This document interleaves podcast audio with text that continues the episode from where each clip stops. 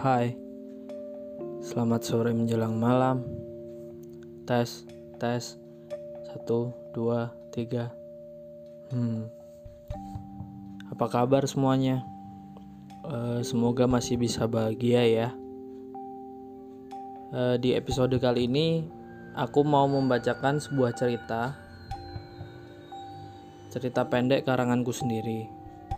Cerita ini dulu aku tulis ketika di kampusku ada sebuah perlombaan menulis cerita pendek dengan tema kebudayaan. Ya, meskipun nggak menang sih, hmm, tapi ya sedikit bangga aja karena udah bisa menciptakan sebuah cerpen yang menarik. E, dan kisah ini berdasarkan kisah nyata yang aku alami sendiri waktu tinggal di Solo.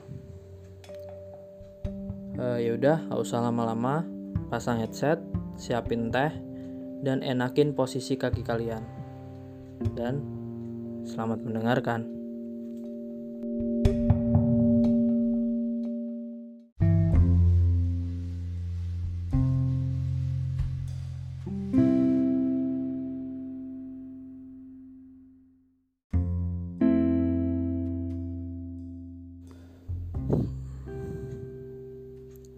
Solo masih dingin, sebab baru saja turun hujan. Hujan di bulan Oktober terasa begitu menggigil. Kabut pun turun pelan-pelan di jalanan Selamat Riyadi, menyisakan kenangan dan keramahan warga kota Solo.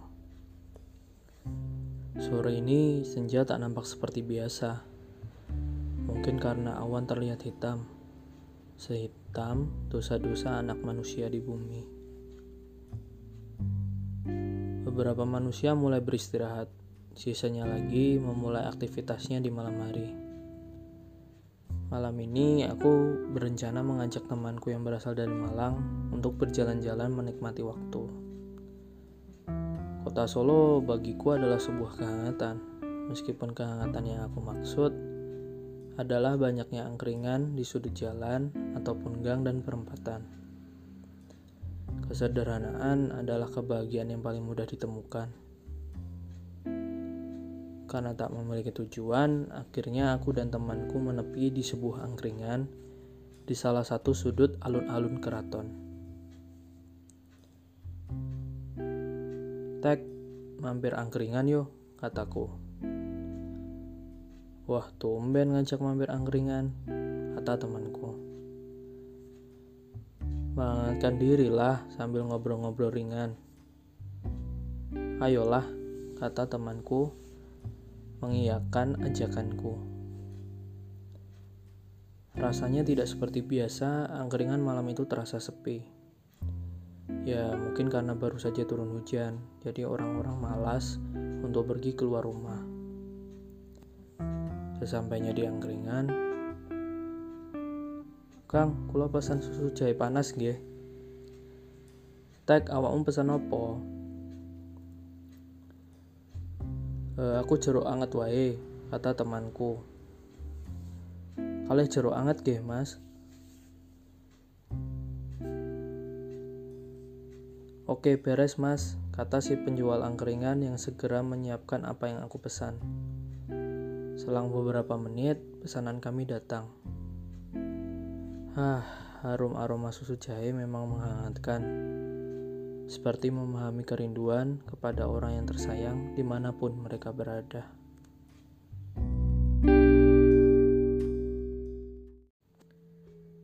Selang beberapa menit, pesananku pun datang.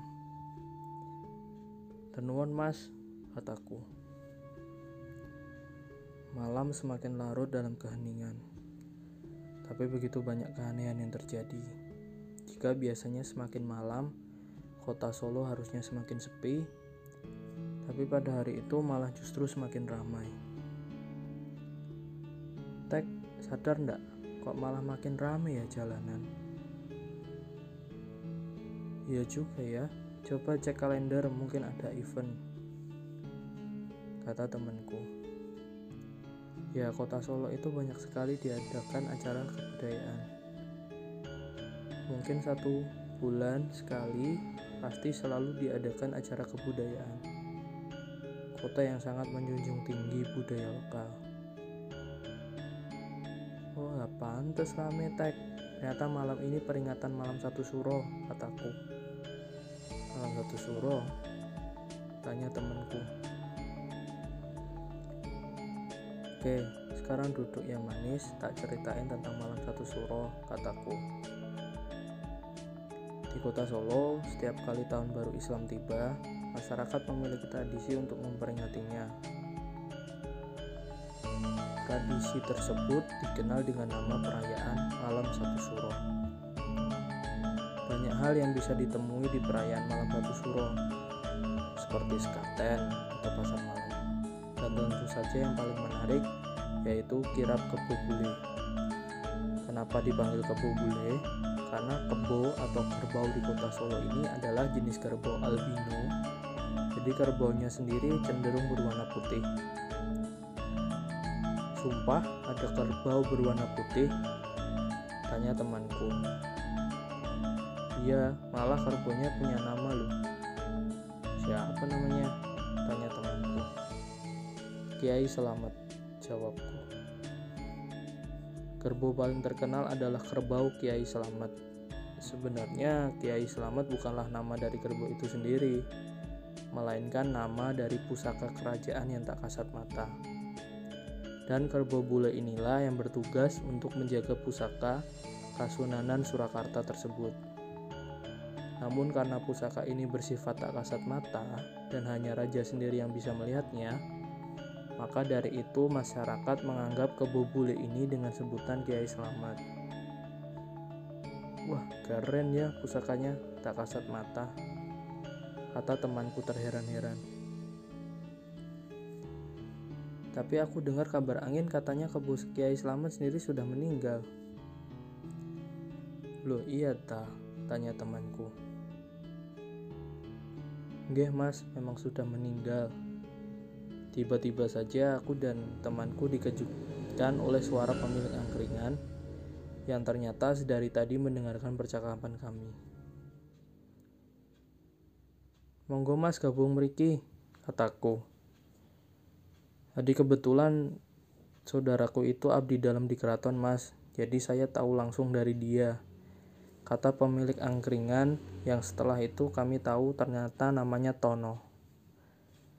Oh begitu ya mas. Sejarahnya panjang mas tentang peringatan malam satu suro, kata mas Tono. Gak apa-apa mas, saya dan teman saya pengen tahu lebih jelasnya pintaku. Oke tak ceritain mas, jawab mas Tono. Jadi sewaktu pemerintahan Paku Buwono II sekitar abad ke-17 Keraton itu masih di Kartosuro, belum di Solo, Mas. Diceritakan bahwa di kerajaan terjadi sebuah pemberontakan yang dilancarkan oleh Pangeran Mangkubumi yang membuat Raja Pakubuwono II harus melarikan diri ke Ponorogo. Di Ponorogo, beliau ditampung oleh Bupati Ponorogo dan tinggal di sana untuk beberapa waktu. Hingga kondisi aman, pada masa pelariannya di Ponorogo tersebut, sang rojo, sang raja Kartosuro itu mendapatkan wangsit yang berupa bisikan gaib. Isi wangsitnya bahwa pusaka Kiai Selamat harus direkso atau dijaga oleh sepasang kebo bule atau kerbau yang warnanya itu cenderung putih supaya kerajaan itu aman mas nah kebetulan Bupati Ponorogo itu mau menunjukkan baktinya kepada Sinuwon dengan cara ya memberikan sepasang kebo bule. Kebo bule atau kerbau albino itu adalah hewan peliharaan yang sangat langka. Maka Sinuwon Pakubuwono II menerima dengan baik pisungsung atau persembahan sang bupati dan berterima kasih atas persembahannya. Sinuwon membawa sepasang kerbau bule itu kembali ke keraton Kartosuro Setelah pemberontakan usai dan hingga kerajaan berpindah tempat ke desa Solo dan berganti nama menjadi Keraton Surakarta Hadiningrat. Wah, keren mas sejarahnya. Berarti kebo iku nenek moyangi kita ya mas. Iya mas, makanya sampai sekarang kerbau iku dijaga satu kali 24 jam. Kata Mas Tono. Wajib lapor mas. Jawabku.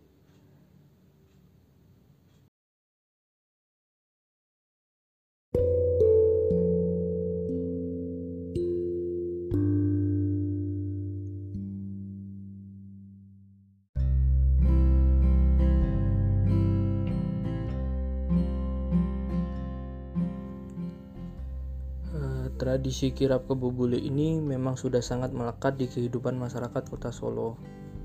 Rasa antusias masyarakat sendiri sangatlah besar. Bahkan bukan hanya warga kota Solo yang datang saat perayaan kirap kebubule diadakan. Masyarakat dari segala penjuru kota datang berkumpul di kota Solo yang begitu kecil tapi sangat indah ini. Selama kirap berlangsung, biasanya para abdi dalam akan melakukan topo bisu atau tidak berbicara. Kerbau bule akan diarak di jalanan dan biasanya war para warga akan berebut untuk menyentuh kebo yang sangat keramat ini. Bahkan sebagian masyarakat percaya jika bisa menyentuh kebo bule ini, keberuntungan akan menghampiri hidup kita. Bukan cuma itu saja, di sepanjang perjalanan saat kira berlangsung, kotoran dari kebo bule akan menjadi rebutan warga karena dipercaya membawa berkah bagi kehidupan. Mas, wes jam 12 loh, aku arep tutup. Kata Mas Tono. Lah mas, tumben jam rolas wes tutup. Biasanya sampai jam telu baru tutup. Tanyaku. Arep nonton kirap mas, ayo nonton bareng. Weh, iyo ya. Ya wes ayo tag nonton juga bareng Mas Tono, ajakku.